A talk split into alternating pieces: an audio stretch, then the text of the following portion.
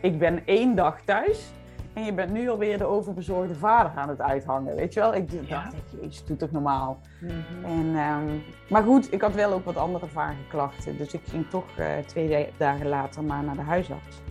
En um, die zei, nou, zoveel dorst, dan gaan we eens even bloed prikken.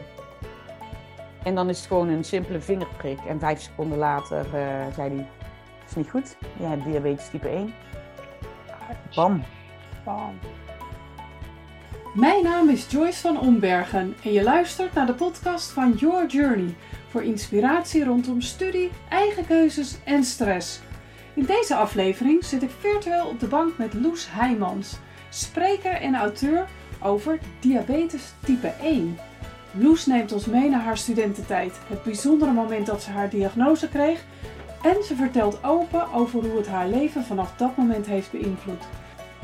Ze deelt hoe ze met vallen en opstaan heeft leren leven met deze chronische ziekte en hoe ze ertoe is gekomen om letterlijk dagelijks anderen te inspireren met haar verhaal.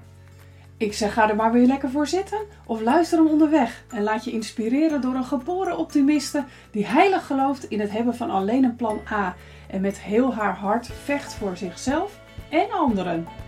Veel luisterplezier! Goedemorgen Loes! Goedemorgen Joyce. Wat tof dat wij in gesprek gaan over een onderwerp wat, uh, ja, naar mijn idee super belangrijk is en best wel een beetje onderbelicht nog bij jongeren, denk ik. Diabetes type 1. Ja, klopt. Ja, dames en heren, Loes Heijmans, auteur en spreker over dit onderwerp. En uh, ja, moet ik zeggen, helaas, uh, ervaringsdeskundige. Alhoewel dat helaas uh, volgens mij wat minder uh, van toepassing is uh, de laatste paar jaren. Maar daarover gaan wij in gesprek, toch Loes? Klopt, ja. ik zal het straks helemaal toelichten. ja, mooi. Nou, we hebben een voorgesprek gehad over de intentie waarmee wij in gesprek willen gaan. En we kwamen eigenlijk op inspireren. Jongeren inspireren, uh, en vooral laten zien wat er wel kan als je ja, leeft met uh, een aantal uh, gezondheidsuitdagingen waar we allebei mee te maken hebben. Dus Loes, welkom. Ja, dankjewel. Fijn om er te zijn. Ja, wat zou jij, waar zou jij willen beginnen? Want ik weet van jou dat je ja, niet altijd diabetes type 1 hebt gehad. Dat heb je echt in je studententijd ontdekt. Maar ik ben eigenlijk ook wel benieuwd hoe jij tot je studiekeuze bent gekomen. Dus waar wil jij beginnen?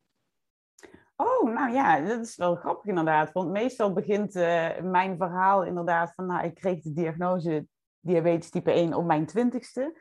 Maar ja, daar gaan dus inderdaad nog twintig jaar aan vooraf. Precies. um, ja, wel leuk om, daar, uh, om daarmee te starten, mijn studiekeuze.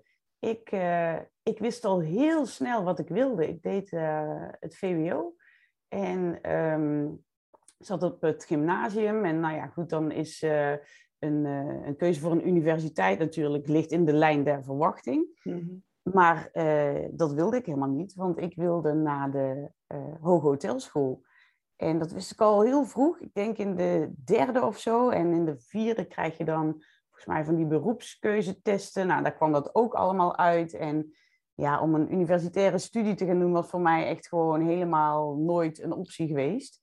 Uh, want die hotelschool, nou ja, dat was een HBO-opleiding. Dat wilde ik gaan doen, dus, uh, dus dat moest het worden. En um, ja, dus ik heb, ik heb dat altijd heel erg uh, voor ogen gehad. dan moet je dus wel nog een toelating doen, want er zijn altijd meer aanmeldingen dan, dan plekken voor eerstejaars studenten. Dus er was wel nog een kleine hobbel die genomen moest worden. Maar uh, ik zie echt nog zo voor me. Ik had een toelatingstest gedaan. Uh, ook daar trouwens weer echt, uh, dat is dan nou ja, schriftelijk, maar ook een gesprek. En ik weet nog dat ik in dat gesprek zei, dat ze vragen van ja, wat wil je dan met die hotelschool? Wat, wat wil je daarna dan gaan doen? Nou, dat wist ik ook al zeker. Ik wilde manager van een vijf-sterren hotel worden. Dus dat, okay. nou, dat, dat werd erop geschreven.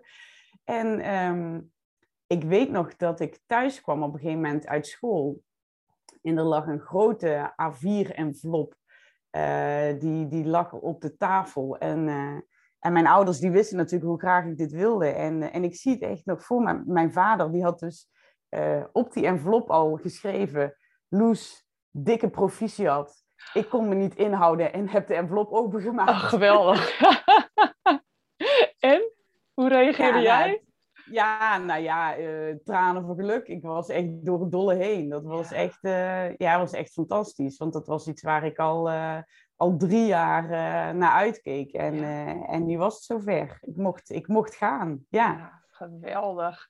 Jeetje, ja, dan inderdaad zo'n envelop. Nu zal het dan wel online zijn. Dus hier, hier hebben we al een generatiekloofje te pakken. Ja, geweldig. Ja, Loes, ik herken het inderdaad. Dat het gewoon via de post ging. En eh, Ja. het, besta- het bestaat nog. Die kwam ook nog elke dag, hè? Nu niet meer. Tenminste, ik ja precies. maandag Ja, ja. niet meer. Ja, maar wat mooi zeg. Dus dat staat echt nog op je netvlies, eh, eh, nou ja, gegrift. Dat moment. Ja. en hoe blij je dan kunt zijn. En waar ging je toen studeren? In Maastricht. En nou, ik kom zelf uit Limburg, dus dat was een half uurtje met de trein. Eh zou best te doen zijn geweest om, eh, om daarvoor op en neer te reizen. Maar eh, bij de hotelschool Maastricht en ook andere hotelscholen, geloof ik, ga je het eerste jaar intern op de campus. Dus ik was eh, net ehm, twee weken 18 toen ik eh, mijn boeltje pakte en, eh, en naar Maastricht vertrok. Wauw. Was dat Ja. ook nog steeds een dikke proficiat vanuit je vader? Of vond hij dat iets minder gezellig? Jij Nou, komt uit een heel gezellig gezin, weet ik. Ja, klopt, ja. En mijn zus woonde nog thuis, dus dat scheelt. Hmm. Ze waren niet meteen alleen. En ik ben wel echt... eh, ik was echt zo'n student die ieder weekend lekker naar huis kwam. eh, natuurlijk met de zak met was, maar ook voor de gezelligheid thuis. Dus, eh, dus ze zagen me nog wel regelmatig. Mooi, ja. En, nou ja, en dus eigenlijk een keuze die voor je gemaakt werd, hè? een intern eerste jaar. Hoe, hoe is dat Mhm. gegaan? Hoe, hoe was die overgang? Ehm, nou, eerlijk gezegd vond ik dat best wel pittig. Ehm, niet zozeer eh, het op kamers gaan, want, want dat was wel, ja, dat was gewoon ook heel leuk. En die zelfstandigheid, dat, dat kon ik wel aan, zeg maar. Dat, dat, was, eh, dat was wel tof. Maar nou ja, op zo'n campus is toch, daar gebeurt natuurlijk van alles. En eh, ik weet nog dat ik toen op een, ehm, op een gang zat waar, nou ja, ik had daar niet meteen heel veel vrienden of zo, weet je. Dus ik Mhm. vond dat, ik vond de type mensen dat er zaten, dat, ik vond dat best wel lastig. Dus eh, ik trok ook heel erg, mijn beste vriendin van de middelbare school, die ging ook in Maastricht studeren. Zij woonde dan in de stad, zoals ze dat dan zeiden.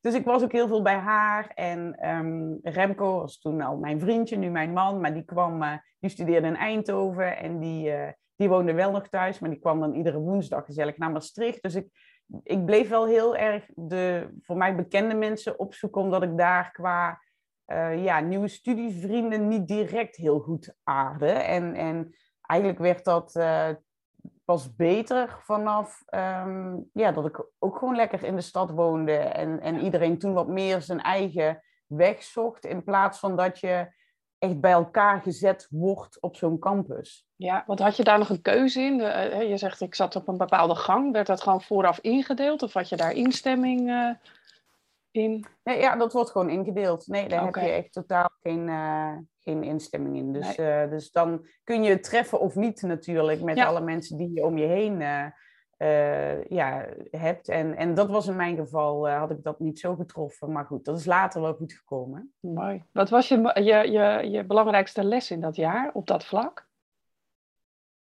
Dat ik vooral heel dicht bij mezelf moest blijven. Hmm. En dan word je wel op de proef gesteld hoor, eh, als, eh, als jonge student. Ehm, want ik had dus bijvoorbeeld ook nou, al een vriendje van de middelbare school. Nou, nou, als je een beetje verhalen over eh, de campus van de hotelschool hoort, dat is dat iedereen met iedereen het bed induikt. Nou, dat is ook zo. Mhm. Eh, en dan werd, weet je wel, in de, in de introductieweek wordt al tegen je gezegd, heb jij een vriendje? Oh, nou, dat zal niet zo lang duren. Weet je Ja. wel, dat soort dingen. ja. En eh, dan moet je toch best wel, eh, nou ja, goed, de juiste liefde hebben getroffen en ook wel sterk in je schoenen staan. Ja. Om, ehm, om daar tegenwicht aan te bieden, zeg maar. Mhm. Maar dat is, En, goed, dat is goed ehm, gelukt, Loes. Ja, dat is goed gelukt. Ja, dat denk ik ook wel. En ik, ik weet ook nog ehm, dat eh, in het laatste jaar, ik ben daar lid geweest van de studentenvereniging, maar was nooit eigenlijk heel actief. Eh, en daar in het laatste jaar ehm, werd er een jarenboek gemaakt, waarbij je dan een foto aan moest leveren. En je ouders moesten dan een stukje schrijven over je. Mhm.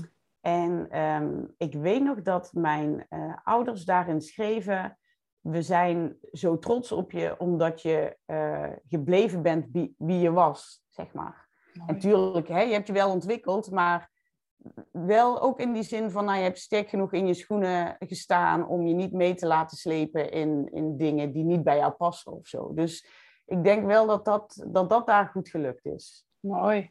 Ja, dat is een hele belangrijke les. En inderdaad niet een hele makkelijke op die leeftijd. En zeker in zo'n situatie. Ja, dat, uh, dat vraagt iets van je.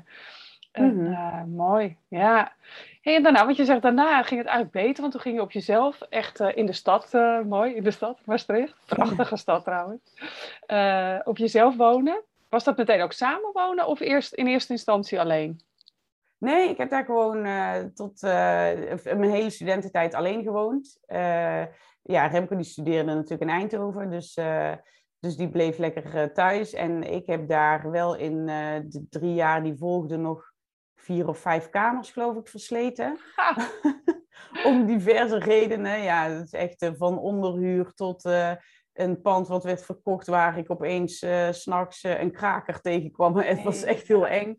Dus tot mijn laatste kamer wat, waar ik een eigen keukentje had, wat dan echt een walhalla is als student zijnde. Dus, dus daar ook weer van alles gezien. Maar ja, wel echt een prachtige tijd gehad, ja. Ja, mooi. Hey, en daarna uh, kwam volgens mij de eerste buitenlandstage. Want we gaan dan richting die twintig, hè? Dat, dat cruciale moment waarop ja, ja toch uh, het een en ander veranderde in jouw leven. Ja, die buitenlandstage was in mijn uh, derde jaar van de opleiding inderdaad.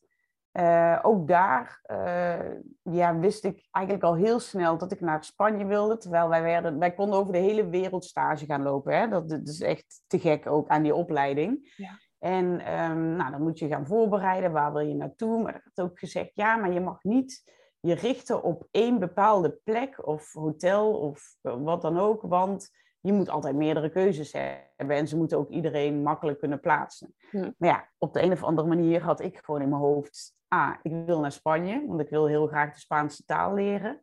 Um, en B, nou, er waren er, uh, ik geloof, vier steden in Spanje waar je dan terecht kon.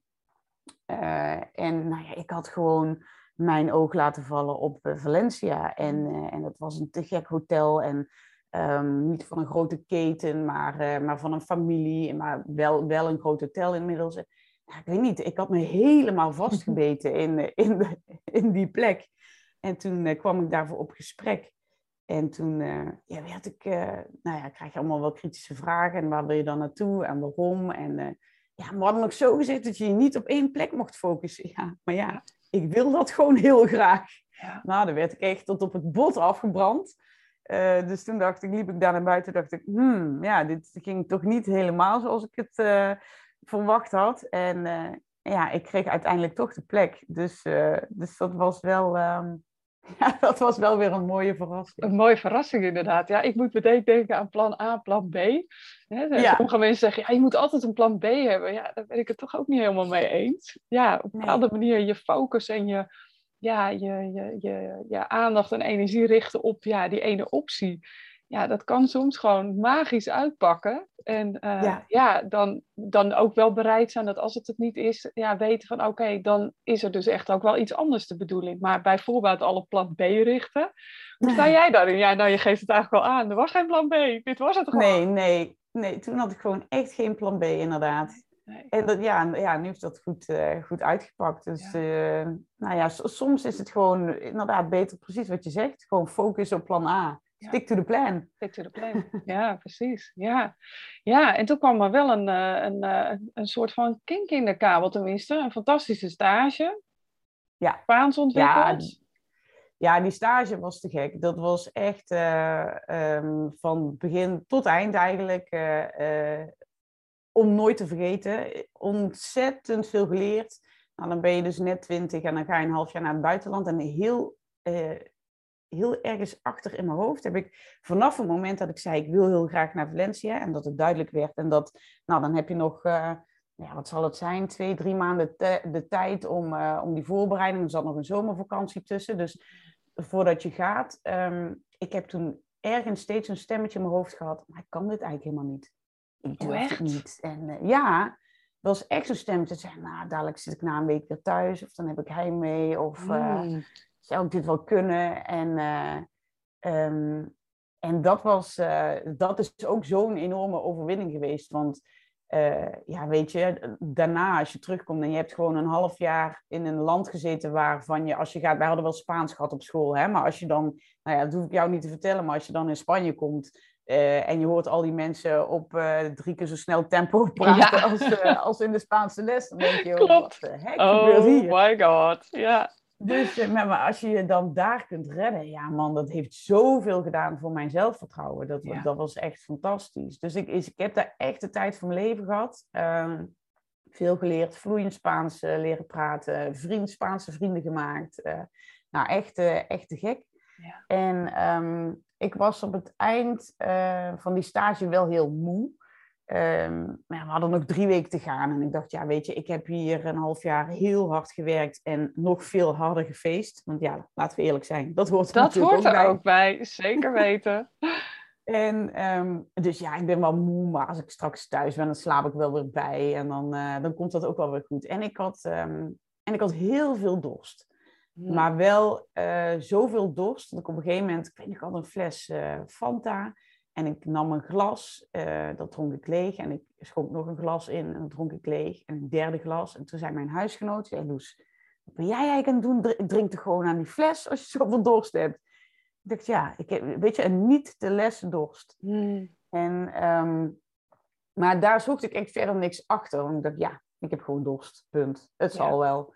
En, ehm, en toen kwam ik thuis na, eh, na een half jaar stage. En er was voor mij een welkom thuisfeestje georganiseerd. Superleuk met eh, al mijn vrienden en familie weer. En, eh, en eigenlijk het enige wat ik me daar nog van herinner... is dat ik eh 15 glazen water dronk en nog steeds dorst had. Wauw. En ehm, toen zei mijn vader, goh, het is toch niet normaal hoeveel dorst jij hebt als je maar geen diabetes hebt. En ik dacht echt, Sorry. ik ben een half jaar van huis geweest. Ik ben één dag thuis en je bent nu alweer de overbezorgde vader aan het uithangen, weet je wel? Ik dacht Ja. echt, jezus, doe toch normaal. Mhm. En, ehm, maar goed, ik had wel ook wat andere vage klachten. Dus ik ging toch eh, twee da- dagen later maar naar de huisarts. En ehm, die zei, nou, zoveel dorst, dan gaan we eens even bloed prikken. En dan is het gewoon een simpele vingerprik. En vijf seconden later eh, zei hij, is niet goed, je hebt diabetes type 1. Bam. Bam. En dan moet ik zeggen, dan ben je dat half jaar eh, heel snel vergeten. Hm. Ja. Dan ben je echt in één klap weer met beide voeten op de grond en denk ik, wat gebeurt met mij nou? Ja. En Ja. ik, was altijd, eh, ik was altijd de gezonde telg van de familie. Echt nog nooit in het ziekenhuis geweest. Ja, hooguit voor een bezoekuur een keer. En, eh, en nou, de huisarts bracht me nog eh, samen met mijn moeder naar het ziekenhuis. En eh, dan ben je opeens chronisch ziek. Dat is Ja. echt bizar.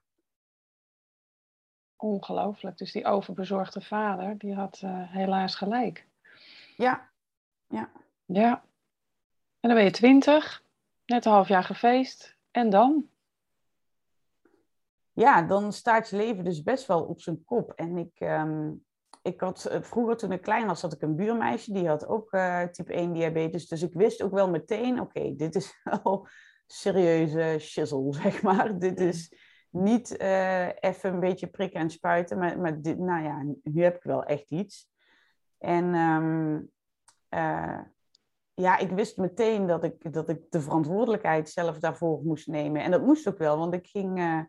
ja, amper een week na de diagnose ging ik weer op kamers. En ik zat eh, eh, toen eh, in onderhuur bij een vriendinnetje, wat toen op stage was. Dus in een compleet nieuw huis. Nou, een nieuw huis. Een heel oud huis, maar Ja, voor mij ja, nieuw. Voor jou nieuw. Met, met mensen die ik niet kende op een zolderkamer. Het was een heel vies studentenhuis. En, ehm, en daar ging ik. En net de diagnose diabetes op zak. En, eh, en ja, daar stond ik er alleen voor. Gewoon echt. Ik- ja, en ik, ik weet nog dat mijn moeder mij elke ochtend sms'te. Want toen was het nog geen WhatsApp, hè. Dus eh, die sms'te mij iedere ochtend eh, om te vragen of ik lekker had geslapen. die wilde natuurlijk gewoon checken of ik nog leefde. Ja, die was toch super bezorgd. Ja, weet je, als ik gewoon eh, s s'nachts een hypo had gekregen, een lage bloedsuiker in mijn slaap, daar kun je dus gewoon bewusteloos van raken. En, eh, en er was gewoon ook echt niemand, achteraf bizar, hè? maar ik heb toen ook niemand in dat studentenhuis verteld van, hoi, ik ben Loes, ik heb type 1 diabetes, wil je een beetje op me letten? Of eh, er was gewoon niemand die mij kende en ik zat er op het zolderkamertje, ik zag er ook nooit iemand. Joh, En, ehm, en daar, daar moest ik het mee doen, ja. wauw. Ja, ik kan me ook voorstellen dat, dat je het ook eerst eh, zelf eh, een soort van moet laten bezinken, voordat je daar met andere mensen over gaat praten. Ja, en dan Mhm. meteen inderdaad en jong in zo'n nieuwe omgeving, dat is nogal wat. Ja. ja. Wat was het moment dat je er wel over durfde te gaan praten? Met Nou, op, leeftijdsgenoten? Ja, op, op, ehm, op school eh, praatte ik er wel, eh, wel over, want we gingen toen een, eh, een project in. Dus ik zat met een klein projectgroepje en nou, ik was natuurlijk nog helemaal aan het uitvinden hoe dat allemaal werkte met die hele diabetes. En ik moest vier keer per dag spuiten en ik moest eh, zes, zeven, acht keer per dag in mijn vinger prikken. Dus zij kregen dat ook wel mee. Ik heb dat ook nooit, ik ben daar nooit voor weggelopen of dat ik dan op de wc ging spuiten. Of ik heb dat gewoon altijd in de openbaarheid gedaan. En ik weet ook nog wel, dan zat ik bijvoorbeeld, had ik een hoge bloedsuiker en dan ja, hadden ze me in het ziekenhuis geleerd, nou dan kun je insuline toedienen of je kunt gaan bewegen, dan gaat het ook van omlaag. En dan zei ik, oké, ik zit nu veel te hoog. Ik moet, ja, oké, zei een, eh, een studiegenootje dan, wat moet je nu doen? Ja, eh, ik kan ook gaan bewegen. Kom, dan ga ik met jou een rondje wandelen, weet je wel? Dus ik, daar, werd wel, eh, daar was wel ruimte voor om, ehm, om het daarover te hebben. Ehm, maar het is gewoon, ja, diabetes is echt een, een zelfmanagement ziekte. Dus het is, eh, je moet gewoon heel veel, eh, ben je er zelf mee bezig. En, en dat was voor mij vooral eh, mentaal ook echt wel een ding. Van, ja, goh, maar nou ben ik helemaal niet meer de spontane loes die ik altijd Hm. was. En het onbezorgde is er vanaf. En ik ben bijvoorbeeld, en, en dit is misschien shocking voor studenten om te horen, maar ik ben daarna nooit meer dronken geworden Ja. Omdat eh, nou, alcohol heeft de uitwerking op diabetes, dat dat uren later nog voor een lage bloedsuiker kan zorgen. Ja. Dus ik wilde niet het risico lopen dat als ik een stapavond had, dat ik dan midden in de nacht inderdaad weer in zo'n lage bloedglucose zou kunnen raken, waardoor ik eh, ehm, ja, bewusteloos raakte. Dus, dus nou ja, om maar echt die, echt die eigen verantwoordelijkheid te, te pakken, dacht ik, ja, da- dan, maar, eh, dan maar nog maar één of twee glaasjes wijn en dan is het klaar. Ja. ja, dus dat echt dat onbezorgde is er echt nou, van het een op het andere moment natuurlijk bam, af, klaar. Ja. Volwassen, neem je verantwoordelijkheid, dat deed je ook. Maar hoe heftig inderdaad. hey, en Loes, even voor, eh, want die vraag die komt natuurlijk ongetwijfeld en ik wil hem heel graag getackled hebben. Type 1 en type 2, daar sta- bestaan nogal wat misverstanden over. Kun je dat kort uitleggen? Eh, er zijn in Nederland eh, ongeveer 1,2 miljoen mensen met diabetes, waarvan er 1,1 miljoen type 2 diabetes hebben en 100.000 type 1 diabetes. Eh, bij type 1 diabetes, dus de variant die ik heb, eh, maakt je alvleesklier geen insuline meer aan en gaat dat ook nooit meer doen. Die is ermee gestopt en ehm, ja, die kan ook niet meer gaan functioneren. Daarvoor moet je dus altijd kunstmatig insuline toedienen via een spuit of via een insulinepomp. Ehm, type 2 diabetes ontstaat ehm, vaak bij ouderen of bij mensen met overgewicht. En daarbij eh, wordt de alvleesklier minder gevoelig voor insuline. Oké, Eh, dat maak je dus nog wel aan. Ehm, maar kan ook vaak eh, met een tabletje worden opgelost om daar wel weer meer gevoeligheid voor te krijgen. En als je je leefstijl aanpast, dus meer gaat bewegen of ehm, afvalt, dan, eh, dan kan die alvleesklier weer eigenlijk opnieuw geactiveerd worden. Dus dan kan je van diabetes type 2 ook weer genezen. genezen. Ja, en, en eh, wij hebben er natuurlijk wel eens vaker over gesproken. En ja, dat heeft mij enorm de ogen ook geopend over het verschil. Want eh, daardoor zullen ook, eh, ontstaan vaak ook misverstanden. hè. Dat eh, ja, type 1 en type 2 is zo wezenlijk anders. Dat zeggen van, joh, je moet gewoon wat afvallen of wat meer bewegen. Ja, dat is natuurlijk een vette dooddoener voor iemand met type 1. Ja, ja, klopt. En dat komt ook heel erg door hoe het in de media natuurlijk naar voren komt. Want als je altijd als er iets in de krant staat, dan gaat het over diabetes. Punt. En er staat er nooit type 1 of type 2 bij. Maar in 9 van de 10 gevallen gaat het gewoon over type 2. En dat ja, heeft er vaak mee te maken dat mensen met type 1 inderdaad die vooroordelen naar hun hoofd geslingerd krijgen. Van, goh, ja, uh, ja maar jij bent toch helemaal niet dik en hoe kan dat dan? En, uh, uh, of nou ja, gewoon überhaupt, hè, dat mensen ook niet weten hoe het, hoe het ontstaat. Heb je vroeger te veel suiker gegeten? Of ja. dat soort dingen. Ja, nee, mijn, mijn beta-cellen en mijn alvleesklier, die hadden er op een gegeven moment geen zin meer in. En hoe dat precies ontstaat, ja, daar zijn ze nog steeds volop onderzoek naar aan doen. Dat is gewoon, uh, ja, dat is gewoon heel lastig te verklaren. Ja, maar ondertussen super heftig, want ja, het is er all day, every day. En uh, ik weet dat mhm. jij uh, recent uh, ook een challenge gedeeld he hebt, ehm, waar ik wel wat van meegekregen heb. Ik heb hem zelf niet gedaan, maar ik heb wel aan de zijlijn meegelezen en ge, ge, uh, ja, gevoeld. En nou, je weet uh, dat ik zelf natuurlijk ook uh, het nodige fysiek en qua gezondheid mm -hmm. aan mijn kar heb hangen. Dus ik kan me sowieso wel redelijk verplaatsen in ja, chronisch, met een chronische aandoening leven. Maar die, die challenge die gaf echt aan van nou ga eens in de schoenen staan van een diabetes. Hè? Er was een app voor, kan ik me herinneren. Ja, om gewoon eens een dag te ervaren hoe is dat een dag uit het leven van een diabetes. Super heftig, want een dag heeft ja. gewoon 24 uur. Ja, nou, ja, klopt. Dit is een app, uh, de T1D Day-to-Day app. En er komt uh, in november weer een update van. Dus echt wel heel interessant om te doen. Uh, je staat twee dagen, zelfs twee dagen in de schoenen van iemand met type 1 diabetes. En krijgt dan ook via die app alle alarmen en dingen die je moet doen. En dat je koolhydraten moet tellen. En dat je een hypo hebt. En dat je dus iets moet eten. En die app is wel heel lief voor je hoor, want die stopt om tien uur s'avonds. Ah. En dat is in het echte leven natuurlijk niet zo.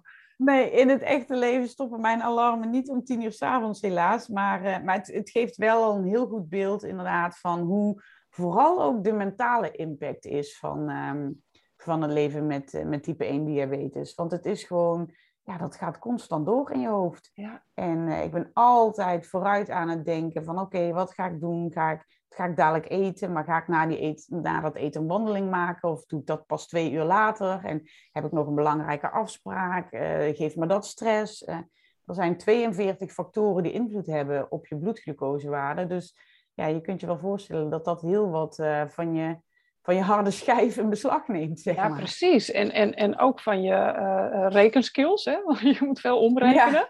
En plan, uh, planning skills. Dus, uh, dus dit, en ik, ik, ik ken je een beetje. Ook een hele positieve kant aan. Wat heeft diabetes jou in positieve zin gebracht? Um, ja, best wel wat dingen eigenlijk. Um, en ik zie dit wel heel, terug bij heel veel mensen met diabetes. Die allemaal willen laten zien dat het wel kan. Weet je, dat had ik ook heel erg naar doorzettingsvermogen. Ook wel een beetje bewijsdrang. Uh, ik ging, um, uh, nou ja, ik, ik, startte na mijn studie met, um, met een baan. Maar dat werd niet de, uh, de droombaan die ik had toen ik, toen ik toelating deed. Dat is nooit die, vijf, dat, die managementfunctie in dat vijf sterren hotel geworden. Omdat Um, nou, ik zat met die diabetes en die waardes die wisselden en uh, schommelden allemaal. En, uh, en mijn uh, diabetesverpleegkundige heeft toen letterlijk gezegd: Ja, maar als jij goed voor je lijf wil zorgen, dan, dan moet jij een baan zoeken met rust en regelmaat. Dan, dan ga je echt niet de horeca in. En, en nu is dat anders, denk ik, omdat de techniek ook weer anders is en zo. Maar, maar destijds was dat inderdaad dus voor mij geen optie. Ben ik. Um, begonnen bij, uh, bij een uitzendbureau als interstudenten. Was super tof hoor. Maar um, ik kreeg daar wel na een jaar of twee al de kriebels. Dat ik dacht, ja, maar mm. ik wil toch echt, uh, ik wil toch echt iets anders. En, um, en toen, uh, nou, ik was afgestudeerd richting evenementen. En ik vond de trouw iets heel bijzonders. Toen ben ik de opleiding voor weddingplanner gaan doen. En daar zat ook echt heel veel in van, nou weet je, ik zal potverdorie laten zien dat het wel kan. Ja. Dat ik wel onregelmatige werktijden kan hebben. Dat ik voor mezelf kan beginnen. Sterk, ik ga gewoon mijn eigen bedrijf starten, punt. en er was vast weer geen plan B, of wel, Loes? Uh, nee. Nee. Nee. Nee, nee, er was geen plan B. Nou ja, het plan, uh, plan A1 was zeg maar dat ik dat nog ging doen in combinatie met, uh, met mijn vaste baan. Dus dat heb ik de eerste jaren ook gedaan. Maar uiteindelijk gewoon echt de knoop doorgehakt van ja, maar dit is wat ik wil. Ja. En, uh, en, en dat is denk ik echt wel iets wat diabetes me heeft gebracht. Ook, um, want ik, ik had op een gegeven moment zoiets, ja oké, okay, nou kan ik die opleiding gaan doen uh, voor weddingplanner. En dan kan ik nog tien jaar roepen, ik wil ooit heel graag. Maar ik was 25 toen ik voor mezelf begon. En uh, ik dacht, um, ik kan nog heel lang dit roepen, maar ik kreeg ook die diagnose van de een op de andere dag. Weet je wel, je weet gewoon niet wat de dag van morgen voor je in petto heeft. Ja. Dus gewoon ook niet je dromen uitstellen. Dat is ook iets wat diabetes me echt heeft geleerd. Ja, nu doen. Nu die keuze maken. Nu die stappen zetten. Prachtig. Ja. ja. Ja, en ja, dat, dat zie je ook enorm, Loes. En dat is ook uh, ja, wat je uitstraalt. En uh, je hebt natuurlijk een eigen podcast, hè, de Diabetes podcast. Dus voor mensen, luisteraars die denken, ik wil er echt meer over weten. Want ik ken iemand met diabetes of ik wil zelf, uh, hè, ik kan wel wat tips en inspiratie gebruiken. We hebben die ook al vast genoemd. Maar dat je zo positiviteit uitspreekt en daarover spreekt. Je hebt er twee boeken over geschreven. En hè, ondanks dat het altijd in je leven is en dat er echt ook hele slechte dagen zijn ben je altijd aan het kijken naar wat kan er wel. Mm En ja, dat zal gerust ook niet altijd vanzelf zijn gegaan. Heb je daar, kan je terughalen dat er een moment was? Want ik, dat kan ik zelf namelijk wel. Zo van, er was een moment. Ik kies voor doorgaan. Ik kies voor positief blijven. Ik kies voor mezelf. Whatever. Kan je dat terughalen?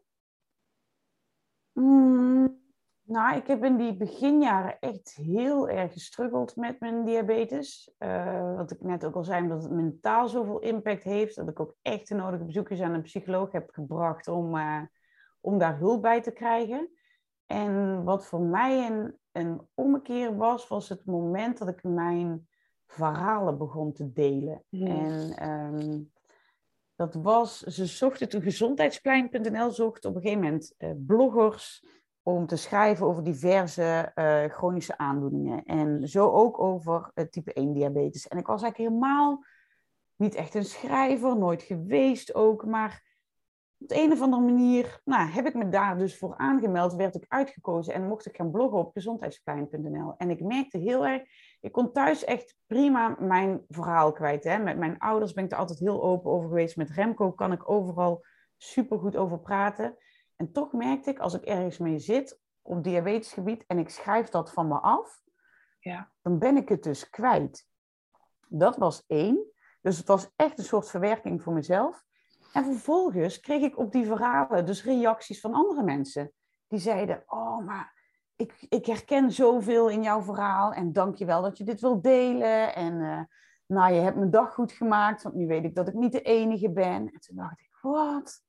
Ja. Ik kan dus gewoon, het is met mijn eigen verwerkingsverhalen, kan ik dus gewoon andere mensen helpen. Ja, prachtig. En, en ja, en, en dat is echt, uh, dat is denk ik wel voor mij een ommekeer geweest. Want toen op een gegeven moment, uh, ik blogde al best wel een tijdje, toen stopte Gezondheidsplein ermee. Toen zeiden ze, nou ja, haal je blogs maar van de site als je er nog iets mee wil doen, maar wij stoppen ermee. Uh, met dit onderdeel op onze website. En toen dacht ik, ja, maar ik wil helemaal niet stoppen met schrijven. Ja. En uh, toen, toen zei ik tegen Remco, ja, maar dan ga ik een boek schrijven. En hij lachte. Ja, ha, Loes. Zo, ja, ja, je boek. Ja, en dan, weet je wel. En, uh, maar ja, ook hier weer, stick to the plan. Ik had het in mijn hoofd. Dus ik ging gewoon schrijven. Ja. En, uh, en, en dat is het boek uh, Doe mij maar diabetes geworden. Dat is in 2015 uitgekomen. En dat beschrijft eigenlijk mijn leven met diabetes vanaf dag één. Echt vanaf de dag van de diagnose tot, uh, tot tien jaar daarna. Echt een kijkje in mijn diabetesleven. Ja, het, en het is heel bijzonder. Dus uh, luisteraars, ga dat boek uh, lezen of luisteren. Want ik heb hem geluisterd. En ja. nou, ik hield het niet droog hoor, Loes. Ik had echt, ja, je nam me zo mee gewoon in, in jouw leven. En inderdaad in, nou ja, the good, the bad en the ugly. Want er zit mm. zeker ook heel veel good en humor in. En dat maakt het ook zo goed verteerbaar. Maar ja, ondertussen is het gewoon een super heftig verhaal. En ja, heel eerlijk zat er natuurlijk ook wat herkenning in, dat je gewoon een soort, ja, een soort rouwproces ook hebt. Uh, ja, je moet mhm. afscheid nemen van een gezond lichaam. En ja, je, je doet dat op zo'n mooie manier. Dus um, ja, ik weet zeker dat uh, jongeren hier de, uh, ook wat aan gaan hebben. Dus ja, nogmaals, je kunt hem luisteren en lezen. Mhm. En als je iets ouder bent en luistert, dan is natuurlijk nog een tweede boek achteraan gekomen. Want je had de smaak te pakken. Ja, het had de smaak te pakken. Ja, het eerste boek uh, eindigt eigenlijk met... Ja, ik ben, het is gewoon echt eigenlijk een dagboekvorm uh, geschreven. Hè? Dus ik ben er ook heel erg open in. En uh, je volgt ook onze weg naar een, naar een zwangerschap. wat met diabetes ook allemaal niet heel vanzelfsprekend is. En toen had ik... Um, het boek was eigenlijk klaar toen ik net eigenlijk de, de zwangerschapstest had gedaan uh, en zwanger bleek. En ik dacht, nou, een mooier einde aan het boek kan er gewoon niet zijn. Dus het was helemaal uh, in een halleluja-stemming. Ja. En, toen, um, en toen kreeg ik een miskraam. Nee. En toen was het boek dus, uh, nou ja, het boek zou vier maanden later of zo uitkomen. Maar ik dacht, ja, maar ik kan niet nu het boek eindigen met hoera, ik ben zwanger. En dan over vier maanden op een boekpresentatie staan met gewoon een platte buik. Ja, ja dat... dat uh... En toen heb ik wel over die laatste hoofdstukken echt overlegd met Remco, want het waren ook de meest moeilijke om te schrijven. Ik zeg ja, weet je, dan, want miskramen is überhaupt iets waar niet heel veel over gesproken wordt. Hè? Dat, dat, het lijkt alsof niemand er ooit een heeft. Klopt. Maar nou, dat gebeurt dus heel erg vaak, alleen je hoort dat nooit. Dus het was best wel een pittige om, um, om te noemen. En, en dat trof natuurlijk ook Remco dat ik dat op ging schrijven. Ja. Maar uh, ja, zo, uh, zo eindigde het boek dus wel een beetje in, uh, in mineur. En um, het mooie dan was weer dat ik uiteindelijk op die boekpresentatie stond. Wetende toen net dat ik zwanger was van, van mijn eerste zoon. Dat was de eerste zwangerschap die, die goed ging. Dus dat was dat was echt fantastisch. En, en nou ja, zwanger zijn met diabetes is weer zo'n compleet nieuw verhaal. Ik dacht namelijk dat ik in die tien jaar in dat eerste boek wel zo'n beetje alles had beschreven wat je mee kon maken. Um, maar ja, toen, toen ik zwanger was, bleek dat er toch nog, uh, nog een verhaal verteld moest worden. Dus heb ik inderdaad het tweede boek, uh, Doe mij maar diabetes en een baby, geschreven. Dat in 2018 uitkwam. Net een paar maanden voor de geboorte van onze tweede zoon. Dus ja. Uh, ja. Geweldig. En zoveel mensen die daar inspiratie uithalen. Dat is echt zo mooi om te zien. Ja, en van dat, van dat uh, schrijven, nou, hoop schrijvers doen het, ik ook, hè, ga je naar spreken. Dus mm -hmm. uh, dat is wat je nu ook heel veel doet. Hè? Dus eigenlijk, hè, nog wel heel mooi om nog even terug te gaan naar jouw bedrijf. Je hebt natuurlijk Fabulous, uh, ja, dat heb je inmiddels verkocht, hè? je wedding plan bedrijf, wat ja. heel succesvol ja. was. Ja nou ja, dat zegt het als je het kan verkopen, dan heb je iets heel goed gedaan. ja, en dat is best recent, toch, Loes? Ja, uh, vorig jaar. Uh, dus het was ja, medio 2020 eigenlijk. Ja. Toen, ik had net de knoop doorgehakt van, want ik, nou ja, ik kreeg inderdaad nadat die twee boeken uit waren gekomen steeds meer sprekersklussen Um, om te spreken over leven met uh, type 1 diabetes. Ik ging uh, diabetes TV maken voor het diabetesfonds. En ik heb dat dus een paar jaar gecombineerd met het weddingplannen. En dat vond ik echt te gek, want het waren natuurlijk twee compleet verschillende werelden. Um, en in die eerste jaren vond ik dat juist heel erg leuk, die afwisseling. Maar ik merkte dat ik... Uh, ja, dat het op een gegeven moment best wel lastig werd. En ja, toen de knoop doorgehakt om na elf jaar te stoppen met het weddingplannen en me volledig te focussen op, uh, op mijn diabeteswerk. En dus dat was begin 2020 dat ik die knoop had doorgehakt. En de agenda stond ook echt al vol met mooie lezingen. En de laatste twee bruiloften die zomer. En dat was al helemaal in de afrondende fase. En nou ja, goed, toen kwam er iets met COVID overheen. Dus toen was mijn agenda opeens op alle vlakken leeg. Toen dacht ik, wat de hek en nu? Oeps. Oeps. En geen maar, plan B. Dit was nee, plan, nou, plan moest, C. ja, toen, uh, toen moest plan C uit de kast, inderdaad. En uh, ja, zo is eigenlijk toen de Diabetes Podcast ontstaan. Om ja. toch uh, te kunnen blijven spreken en, en zichtbaar te blijven ook. En, en uiteindelijk is dat ook weer gewoon een onderdeel, vast onderdeel van mijn bedrijf geworden.